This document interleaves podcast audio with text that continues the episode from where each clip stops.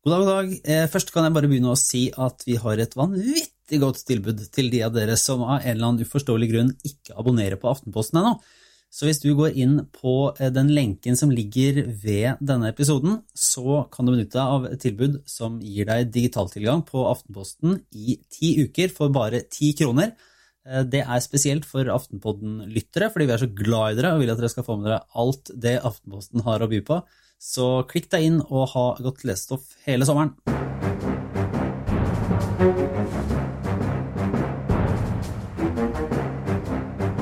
Ja.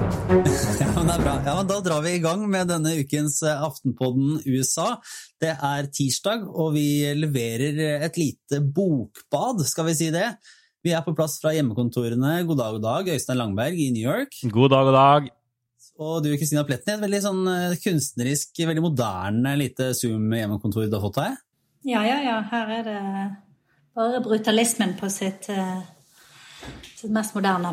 Nei, men vi tenkte vi skulle Vi har jo eh, vært igjennom nå en, en liten le, noen leseøkter, kan vi si. Fordi vi har jobbet oss mer eller mindre helt igjennom John Boltons hva skal han kalle det, sjokkbok som så mange flere, om innsiden i Det hvite hus. Altså nasjonale sikkerhetsrådgiver John Bolton, legendariske bartemann og eh, krigshisser, har skrevet om sin tid fra da han kom inn i Det hvite hus og begynte å jobbe for Donald Trump, og, og til han eh, til slutt gikk ut.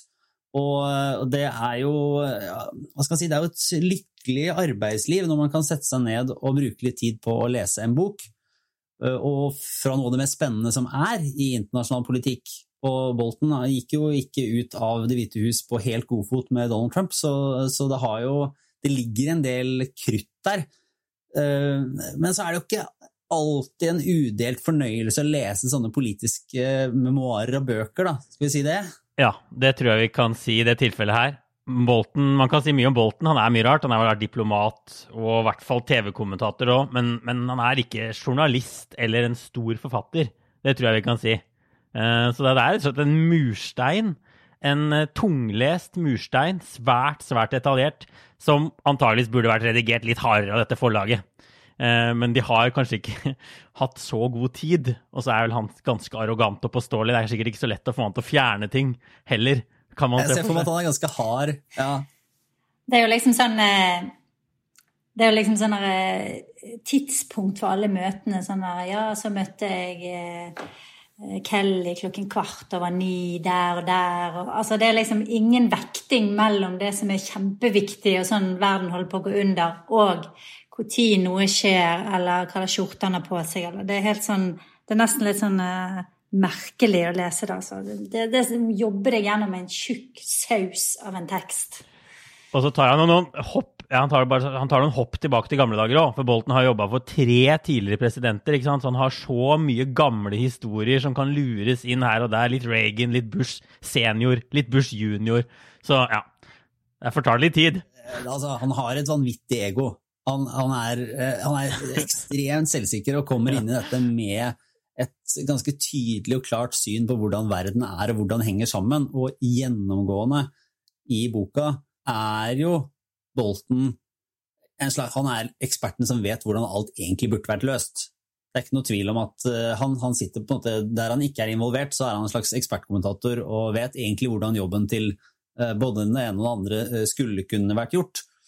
og, og, og bedyrer jo veldig at han ikke skal gjøre jobben til presidenten, men han har jo veldig veldig klare føringer og meninger om absolutt alt. Men når alt dette her er sagt, da, uh, om at det kanskje er til tider litt kjedelig. Han er en litt ufordragelig fyr.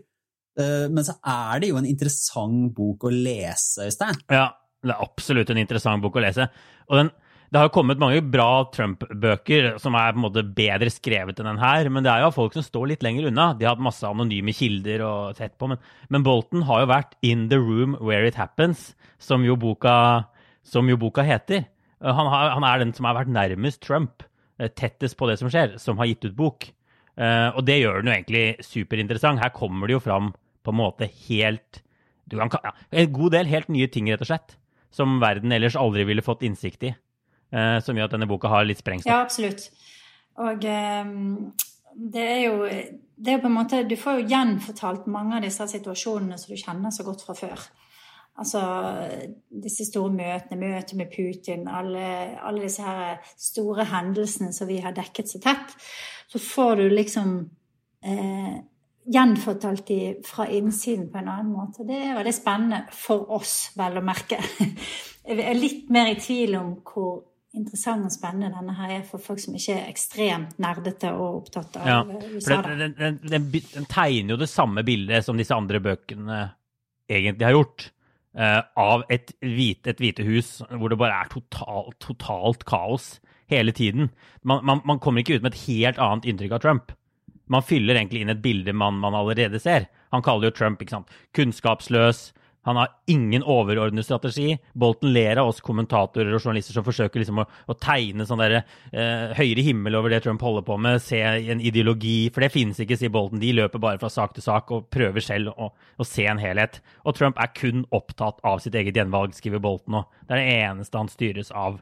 Når han møter, når han møter Nord-Koreas diktator, så er det på en måte helt underordnet hva de blir enige om, så lenge det er mange journalister på, på pressekonferansen, skriver han. og Eh, og det er det Trump er opptatt av, hvordan det ser ut TV-bildene blir, og hvor mange som dekker det.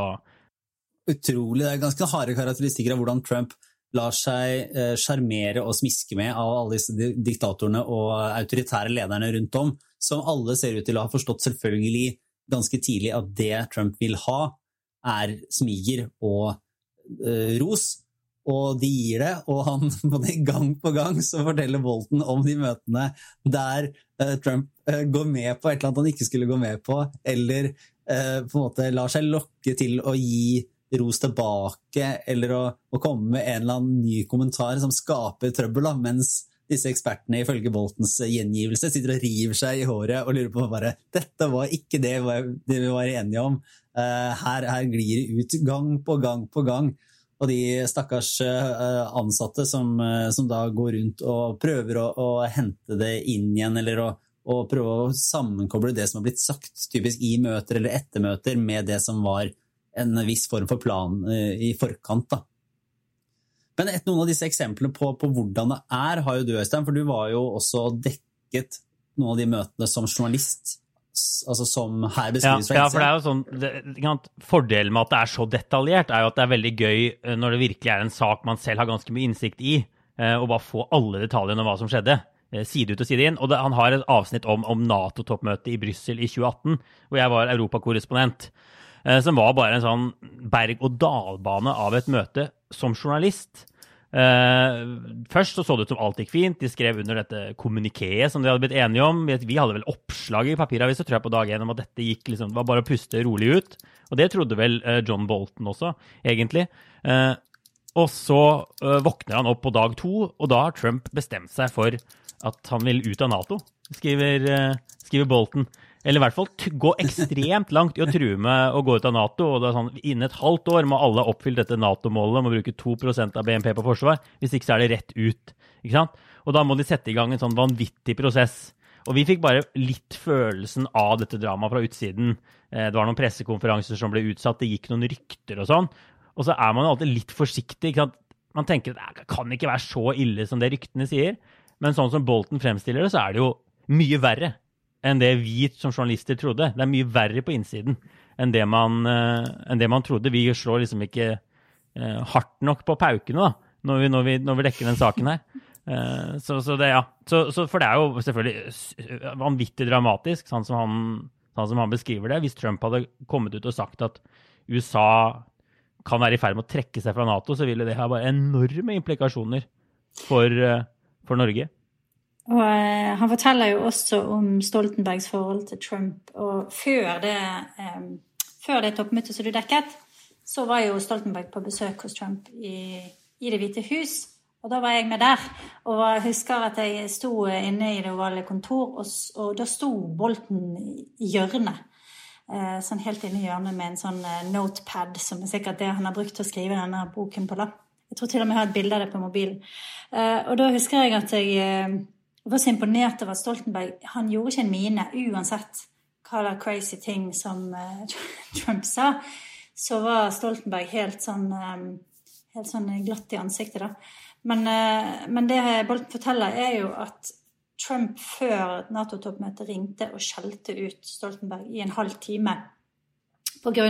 Eh, disse eh, dette 2-prosentmålet eh, som da Trump har vært sint på lenge, at ikke EU-landene eller de andre Nato-medlemmene bruker nok penger på forsvar. Så skriver det også Bolten at han ikke tror at Trump egentlig helt forstår dette, ja, det eh, hvordan dette fungerer. ikke sant? At, han, at, Trump tror at alle betaler inn penger på en måte til Nato. Så sier Trump det at eh, han vil fortelle til Stoltenberg at de skal nå skal USA redusere sitt bidrag til, ned til samme nivå som Tyskland. Eh, så skriver jo, så skriver jo Bolten da at ja, da må jo liksom USA redusere forsvarsbudsjettet sitt med 75% eller noe sånt. Ikke sant? Så der er noen sånne der er noen sånne steder i boken der du skjønner hvor, hvor, hvor, lite Trump har brydd seg om å sette seg ordentlig inn i sakene, da, som er eh, Så vi kan fnise og le litt av det, men det er jo dypt, dypt bekymringsfullt og skremmende, vil jeg si. Det, det, er litt lett når man både leser det og snakker om det i etterkant. Uh, også fordi boka er såpass uh, flat i historiefordelingen sin. Det er, som du sa, Øystein, det er ikke så veldig stor forskjell på en, en, uh, en fortellingen på hvordan det har vært et kjent drama internt eller drama opp mot mediene, og når det er store internasjonale kriser. Men det, den, det ligger jo i bånden her at det en amerikansk president gjør, særlig i utenrikspolitikken, har enormt store konsekvenser Eh, for hvordan eh, diplomatiet og hvordan ting forstås rundt om i hele verden. Så hvis du dytter på sånne brikker, så, så får det mye å, å si. Da. Og en av de, en av de uh, delene fra, fra, boka som har fått litt omtale, er jo da, uh, da Trump i en samtale med Xi, fra, altså president Xi i Kina sier, snak, skal ha sagt uh, at han har full forståelse for Eh, hvordan eh, man har eh, ja, hva skal man kalle det, leirer, interneringsleirer, konsentrasjonsleirer for uigurene, da, den, den, muslimske minoriteten.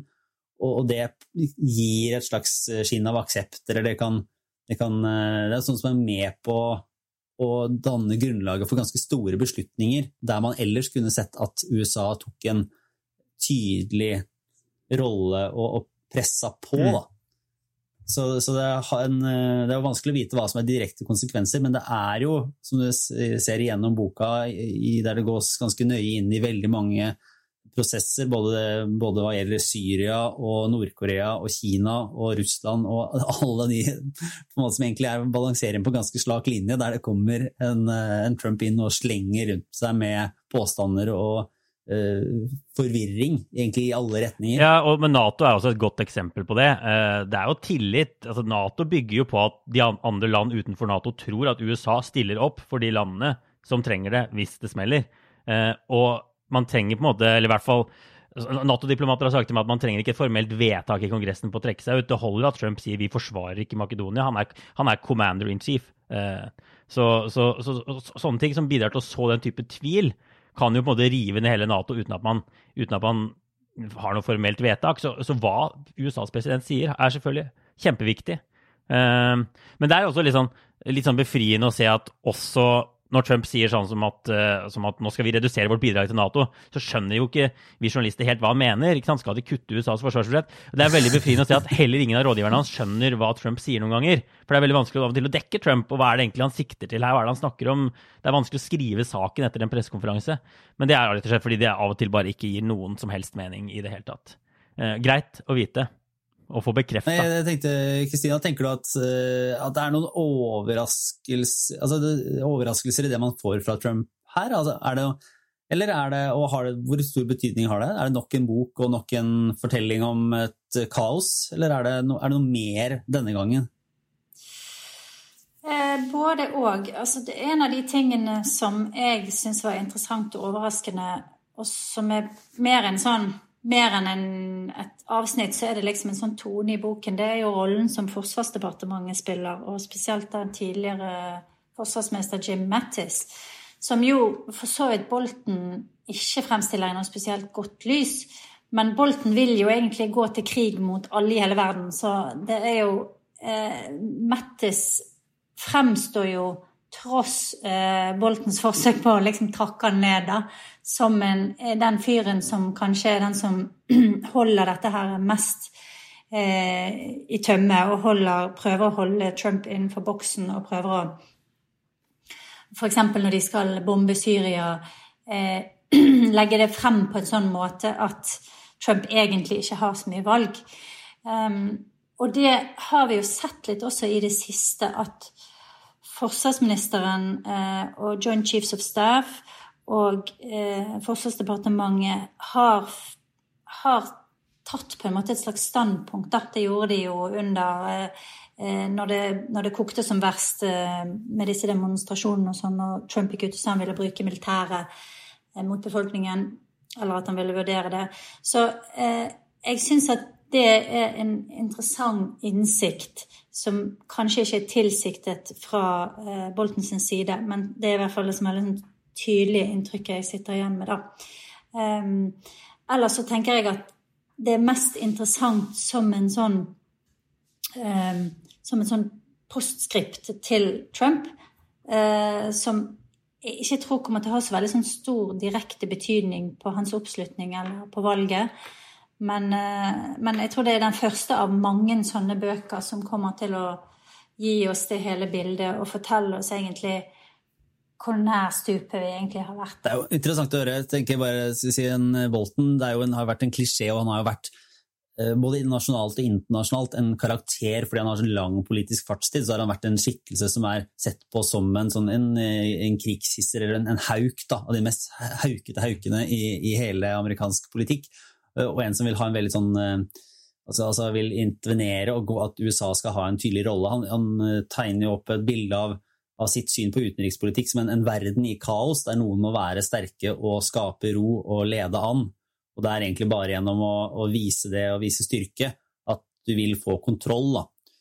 Og det, det gjør det er, det er jo det bildet av ham selv det, han, han, er nesten en han, ut, han går utapå klisjeen om seg selv. da. Fordi han vil, han vil, være tøffere enn tøff i absolutt alle sammenhenger. Så hvis, hvis uh, Bolten hadde fått det som han ville, så hadde det vært en uh, Da hadde det hadde fått sett et, det hadde vært en ganske annen uh, verdensorden etter disse årene. Hvis det hadde, gått, altså det hadde vært bombing i Iran og hadde hatt, vært mye tydeligere og holdt på borti Syria. Han hadde kanskje vært ute av Irak og Afghanistan, men Eh, situasjonene med både Russland og Kina hadde jo vært spissa til veldig.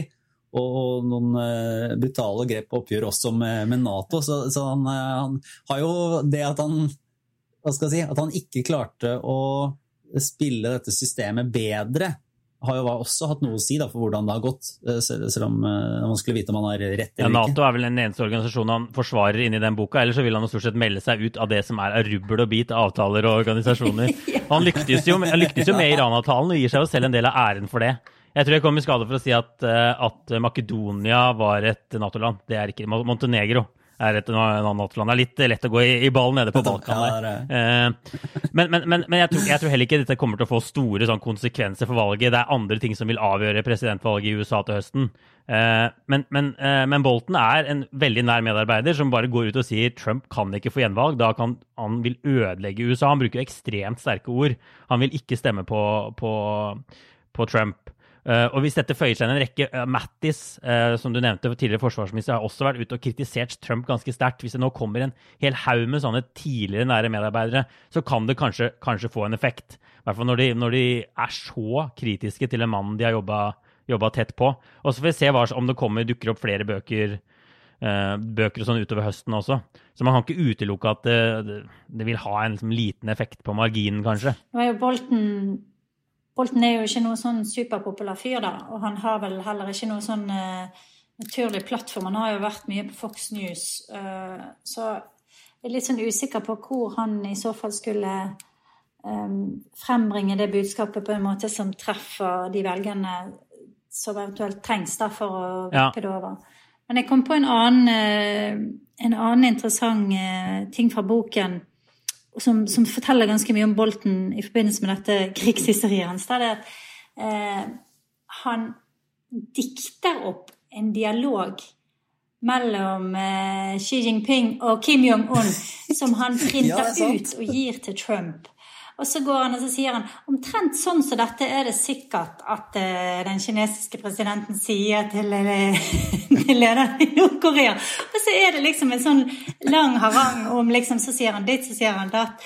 Og det er helt sånn når jeg leste det, så bare tenkte jeg herregud, altså, han er jo ikke helt god mann sjøl heller. Så det, og det på en måte, Jeg tviler ikke på at han forteller det som har skjedd, men, men eh, han Hans eh, gangsyn og hans eh, ja, moral er jo også ganske tvilsom, da, for å si det mildt. Mm. Og En av de tingene som har kommet eh, og vært kontroversielt nå i forbindelse med boka, er jo at han i boka skriver om denne, altså det som endte opp med å bli en riksrettssak mm. mot Donald Trump der John Bolton var oppfordra til å stå fram og vitne, men eh, på en måte klarte å manøvrere det til å bli sånn, et juridisk spørsmål. Altså han sa vel at han, han var villig til å vitne eh, dersom, eh, han, eh, dersom han ble måte, påkalt og, og, tvunget til det, og så var det et juridisk spørsmål om det faktisk var sånn at han kunne bli pressa til det. Og, ja, og fram og tilbake sånn, Men han, han, hadde på en måte muligheten til å ta sitt borgeransvar, da, som er anklaga nå for å, for å, snakke opp sin egen patriotisme, men da muligheten var der for å gi viktig bidrag i en sak der nasjonen og politikerne ville forstå mer, så eh, benytta han seg ikke av den sjansen. Han ville heller skrive en bok nå og tjene x antall millioner på det. Så, så han blir jo ikke løfta fram som noe helt på venstresida heller, selv om han nå kommer med veldig klare anklager og, og negative karakteristikker. Nei, det sitter veldig langt inne på venstresiden å omfavne Bolton pga. historien hans. Han, han, er vel fortsatt en varm forkjemper for Irak-krigen, bl.a., så det er en lang vei til, liksom, til varme omfavnelser. Og det er veldig mange som er ekstremt Han er egentlig, nå egentlig forhatt av alle, nærmest. Veldig mange som er veldig kritiske til til Bolton, og som, som, mener at han burde prata og kanskje de kunne fått dømt uh, Trump i januar. Uh, blant annet også, Denne boka heter jo The Room Where It Happens, som, er, som spiller på den Hamilton-musikalen. Eh, og det er en sang i den Hamilton-musikalen som heter Room It Happens. Så jeg har hatt den sangen på hjernen mens jeg har lest denne boka hele tiden. Og han som skrev Hamilton-musikalen, han var blant annet langa ut mot, mot Bolton på, på Twitter. da for, for, å ha tatt pengene og ville ha, tjene seg rik istedenfor å liksom hjelpe til. Eh, og for å ha stjålet sangen hans, 'The Where It Happens', som alle nå bør høre på. Men Kristina, tror du at det ville hatt en betydning dersom man, hadde, eh, dersom man faktisk hadde vitna i riks riksrettssaken? Altså, tror du at, at, flere republikanske senatorer enn eh, Mitt Romney hadde endt med å stemme for å felle ham dersom Bolton hadde kommet ut kraftfullt med det som nå står i boka? Det er et godt spørsmål, som man sier når man ikke vet svaret. Eh, altså, nei, eh, kanskje faktisk. Eh, hvis han hadde lagt frem bevis, som han jo sikkert har i form av sine notater og sånn, da. Spesielt med tanke på det han har gjort i forhold til Kina og, og Tyrkia. Der han jo også har på en måte gitt begge de to lovnader om å gripe direkte inn i prosesser og, og bedt dem om hjelp til å bli gjenvalgt. Det er jo noe av det samme som det eh, riksrettssaken gikk på. Så det kan hende ja. Eh, at det hadde vært vanskeligere for, eh, for, republikanerne å bare liksom I hvert fall å bare overse det. Jeg tror det hadde, det hadde i hvert fall gjort at det kanskje hadde blitt en lengre prosess, og at andre, ikke minst at kanskje andre også, da, hadde, hadde, kommet etter og kommet frem. Og du hadde kanskje fått en annen dynamikk. Ja, Det måtte i så fall vært fordi det, må, det er det Bolten sier han ønsker seg, en bredere riksrettssak som ser på flere ting. Fordi han det han skriver om Ukraina, f.eks. Han, han, han trekker jo en helt tydelig Han sier Trump ønsket å sverte Biden eh, og presse Ukraina til å gjøre det. Altså, han skriver jo det rett ut, egentlig, eh, Bolten. Og det var jo sånn at det var flere eh, republikanere som sa at de så det som bevist. Men det var likevel ikke nok til å dømme Trump i en riksrettssak.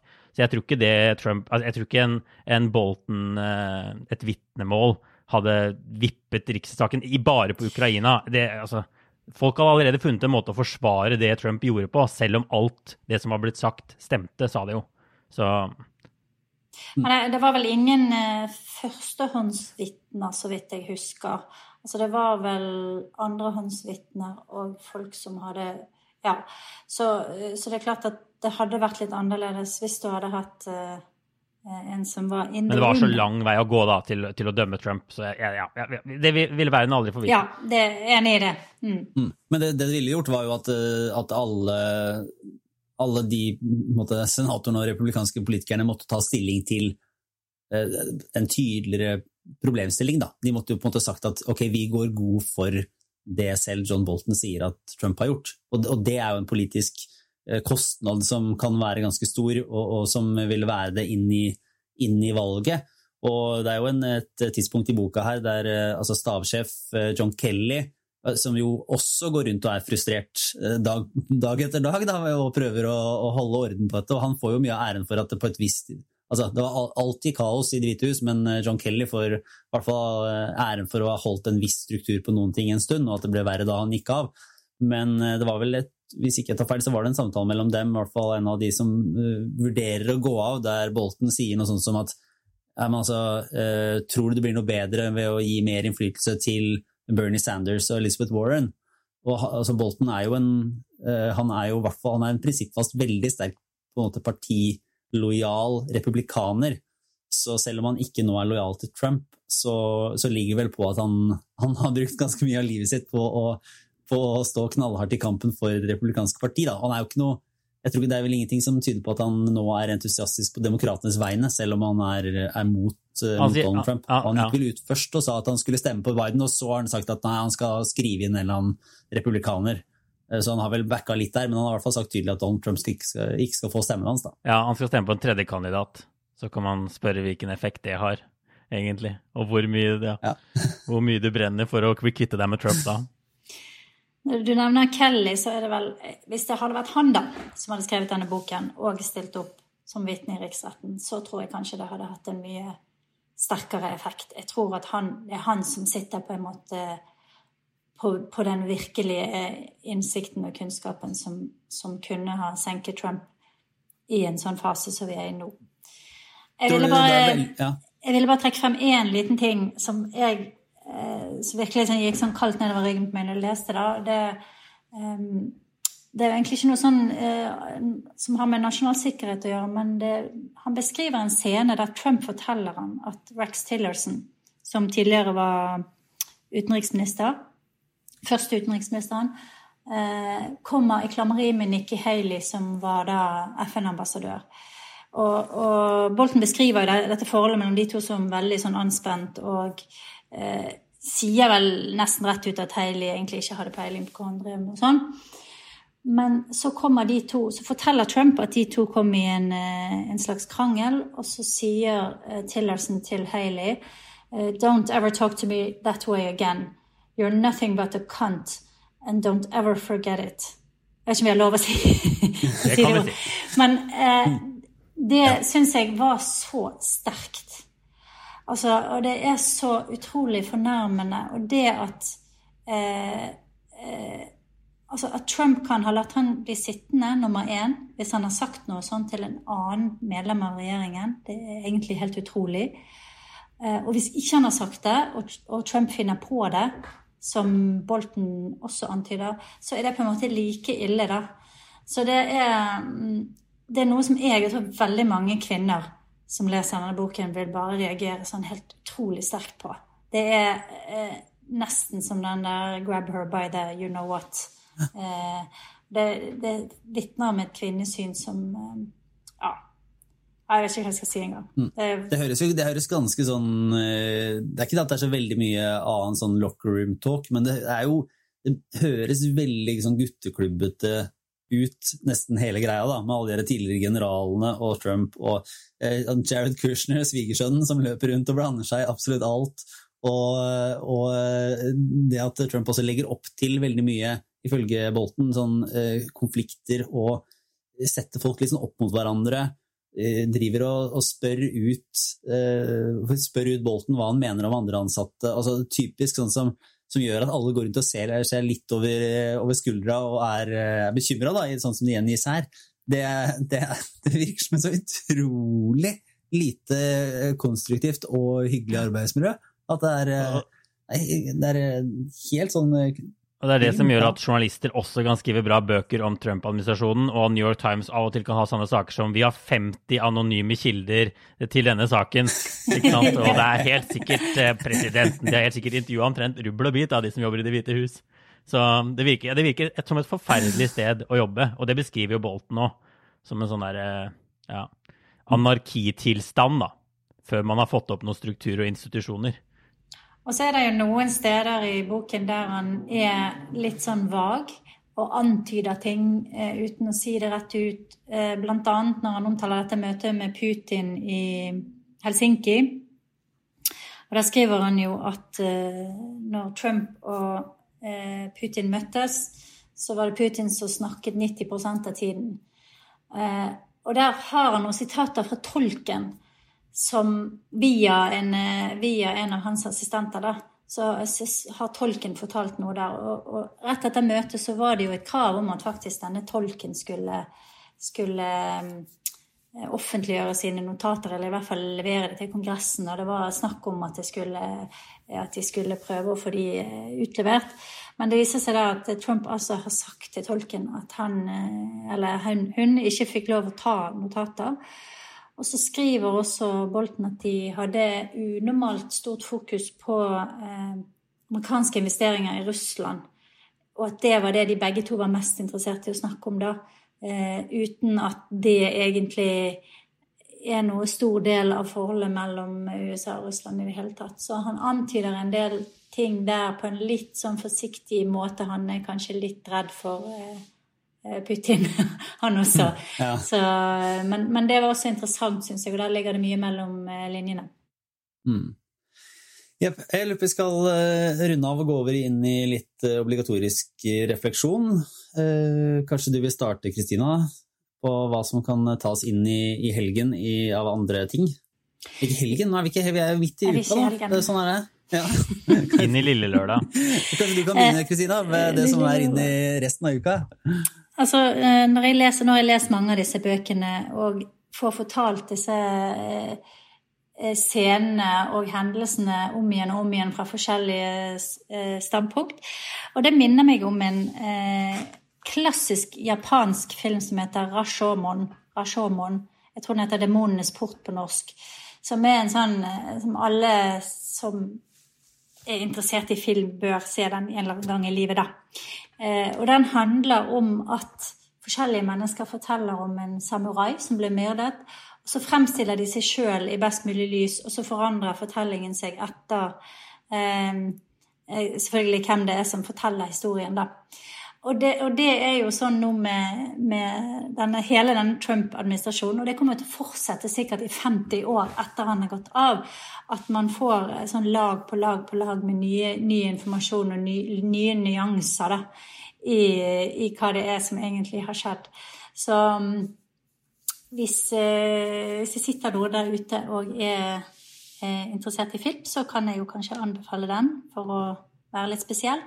Det er bra. Det er, det er, det er et høyt kulturelt nivå på Kurosawa. Ja, ja. Kurosawa er regissøren. Klassisk japansk film. Ja. Jeg er spent Øystein, på om du kan leve opp til dette her. Det, det, kan jeg ikke. Dette er ikke en anbefaling. Det er en refleksjon over livet i USA. Eh, jeg var jo, I mitt forrige liv var jeg kommentator, akkurat som Kristina. Skrev noen kritiske kommentarer om norsk banksektor. Dette er en indirekte hyllest til norsk banksektor ved en nedrakking på amerikansk banksektor. Her om dagen så fikk jeg en sånn veldig rar pakke i posten. Litt sånn stiv, tung. Man skulle tro det var noe postkort. Uh, og så klipte jeg den opp, og så åpnet jeg den, og så kom jeg på hva det var. Det var sjekkheftene jeg hadde bestilt for tre uker siden. Fordi Det har nemlig vist at jeg har et, sånn, et akutt behov for sjekker her, som må sendes ut, puttes i konvolutter og meldes av gårde til diverse institusjoner, bl.a. skattevesenet. Eh, for å få akkreditering i, i, nede i Washington trenger jeg sjekker. Eh, så det er det jeg har nå. Og jeg bestilte til og med sjekker med sånn amerikansk ørn på, selv om det kosta litt mer, sånn for moro skyld. Men sjekken lever her borte i, i, beste velgående, sammen med en god del andre sånn arkaiske bankfenomener. Og er, du er helt avhengig av å ha det for å, for å komme deg rundt i det amerikanske samfunnet. Utrolig spesielt. Og så kan jeg bare si til deg, Øystein, at hvis du ikke har dekning på kontoen når du sender for ja. en sjekk, som da har skjedd med meg, så trekker de deg 40 dollar i straff. Så det må du Ja, for det, nå har jeg, jeg sendt av gårde en sjekk for mange uker Det- siden på et ganske stort beløp. All skatten jeg skulle betalt til New York State eh, det første halvåret i år. Eh, og de pengene må jeg nå bare Mm. ha på kontoen inntil den sjekken blir hevet. Jeg aner ikke når de får liksom åpna den konvolutten og hevet den sjekken. Eh, så det er bare en utrolig spesiell situasjon. Så jeg bare sier, der har Norge kommet så mye lenger, og det er jeg så glad for. Mm. For det er noe styr. Ja, fordi at eh, når, når, man, eh, altså når de pengene trekkes fra konto, det avhenger av når mottakeren av sjekken eh, casher den inn. Det er ikke en sånn kalenderting, eller? Er det Det har i hvert fall ikke blitt hevet nå, men det er mulig jeg har fylt inn noe feil på den sjekken. Altså, jeg kan ikke, det er jo masse, Du må skrive ut beløpet med fullt, og det er flere ting du må fylle inn. Så jeg åpner for at jeg har gjort feil. Eh, Jeg tenkte egentlig bare å runde av med en Ja, vi må, vi må kjapt innom det som skulle være Donald Trumps store eh, comeback etter koronakristiden, og eh, hvordan han nå på en måte skulle vekke ilden til live igjen hos sin energiske base og tilhengere ved å være i Tulsa, Oklahoma. Vi nevnte vel eh, så vidt sist i forrige ukes podkast også. Samle flere hundre tusen mennesker, hørtes det ut på, på, på, på han eh, sjefen for valgkampen, som sa at de hadde fått over en million påmeldte til dette. Så det, vel, det skulle ha plass til ca. 19 000 på denne arenaen. Og du skulle ha flere titusener i et sånn uteområde. Og så gikk det ikke helt sånn. For det var vel bare drøyt 6000 inne, og det området ute måtte man bare legge ned. Og nå lurer de jo på hva i all verden det var som skjedde. Ja. Det er eh, Og eh, ryktene går om at dette var en slags eh, hevn fra generasjon Z.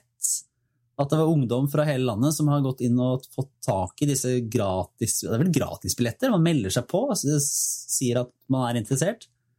Og, og da uten noen slags tanke om at de skulle møte opp. Og så annet at Hvis det var 20 000 Trump-tilhengere som ville gå dit, så kunne jo de fått sine billetter. For det var jo ikke sånn at det møtte opp flere hundre tusen. Nei, jeg, jeg, tror, jeg, tror det som er, jeg, tror Så, det som er viktig, er at liksom de, jeg tror det denne aksjonen førte til, var at de trodde det var mye større interesse enn det var.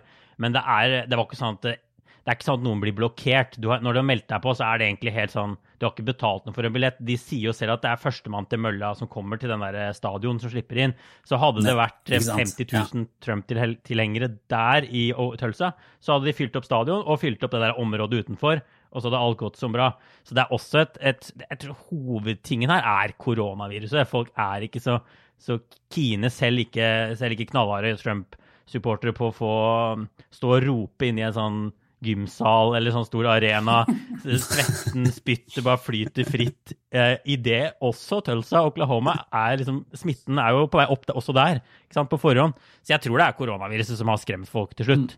Eh, men, men de har også, det skjedde jo noe helt galt med forventningsjusteringene, da. Når de trodde det skulle komme eller i hvert fall en million mennesker til denne lille byen. Eller relativt lille byen. Småbyen. Så det, var, det var en politisk eh, motstander riktignok som sa denne, det at i politikken så bør du vanligvis senke forventningene og så overgå den, ikke øke forventningene og ikke leve opp til det. Og det hadde vel aldri vært sett på som akseptabelt eller spesielt vellykka med 6000 stykker på, på, i denne hallen, men det hjalp jo ikke når man eh, skrøt at det skulle være det største showet noensinne, mer eller mindre, og at det var en million som var interessert. Men du, var det ikke du som hørte Kristina, at det ikke nødvendigvis var generasjon Z som eh, sto bak dette her opprinnelig likevel? Jo, det er altså en bestemor, faktisk. Som er bare 51 år, da, men hun er bestemor. Hun heter Mary Jo Laup, L-A-U-P-P, fra Iowa, som har funnet på dette her og spredd. Begynt med TikTok, men spredd det videre på Facebook og Twitter. Og eh, det står at det er, at det er da eh, MIT som har skrevet om dette i nyhetsbrevet sitt, og skriver at det er faktisk litt eldre amerikanere der som har stått for det meste av denne aksjonen. Så det er faktisk eh, Karen, som vi nå snakker flere ganger, som har vært Karen ute nok en gang. Så Ja. eh, Karen gets her revenge. Ah, ja, ja. Nei, men er det, er det eh, helt til slutt bare, tror dere at det er et tegn på at Donald Trump vil slite med å få folk på disse rallyene sånn som han har gjort? At det er et, et, et uh, gjenspeiler en manglende entusiasme for Donald Trump, eller er det eh, noe som vil vokse igjen om, når og dersom koronavirustrusselen faller ytterligere. Eller faller ytterligere, nå er det på vei opp i flere steder av USA, da, men, men ja, der bevisstheten synker, eller når tida går, bare. Altså, jeg tenker at det er alltid har vært faren for Trump. Det er det der at han er så avhengig av den visuelle event-greien med alle disse folkene og alle disse hattene og alt det. Det, er, det ligger også en kjempestor eh, risiko i det. ikke sant? At med en gang det begynner å tynnes ut, og folk ser at her skjer det noe, så, eh, så, så blir det veldig synlig. Sant? Det blir sånn eh, direkte på TV-skjermen synlig at nå, eh, nå, forsvinner støtten hans. Så det er en helt klar fare for han eh, hvis han skal drive med sånne folkemøter nå utover høsten, og det, og det er fullt i tomme seter, og, og, pressen kommer helt sikkert til å godte seg med det, i hvert fall en del av pressen. ikke sant? Så så jeg tror nok ja, at det, det kan se litt skummelt ut for han i, i så måte. men han har fortsatt en ganske sånn på, Når Se på meningsmålingene, sånn, så er jo liksom entusiasmen blant de som støtter Trump, større enn entusiasmen blant de som støtter Biden. De som støtter Biden, er eh, motivert av hat mot Trump. De som støtter Trump, er først og fremst motivert av Så jeg tror han kan klare å fylle en stadion igjen. Jeg tror vi kommer til å se det. Og så regner jeg med at han vil begynne å arrangere noen møter ute og sånn, hvor, hvor det er, føles litt tryggere hvor typisk kanskje vi som journalister også vil føle oss mer komfortable med å reise. Så jeg, jeg, tror, jeg tror ralliesene vil komme tilbake, men akkurat nå så er det mange måneder siden Trump har hatt en ordentlig god nyhet. Det er bare, bare dårlige nyheter. Og de bildene av Trump som går ut av flyet etter et Tulsa-rally med, med, slipset, med slipset hengende rundt halsen og med hodet, med hodet, ned i mørket, er jo bare helt sånn en, en, en mann som ser rett og slett litt som han har, tatt, som han har tapt. Men han kan nok komme tilbake. Han har ett, tenker jeg, sånn stort sånn eh, kom deg ut av fengsel-kort, eller hva det heter i Monopol.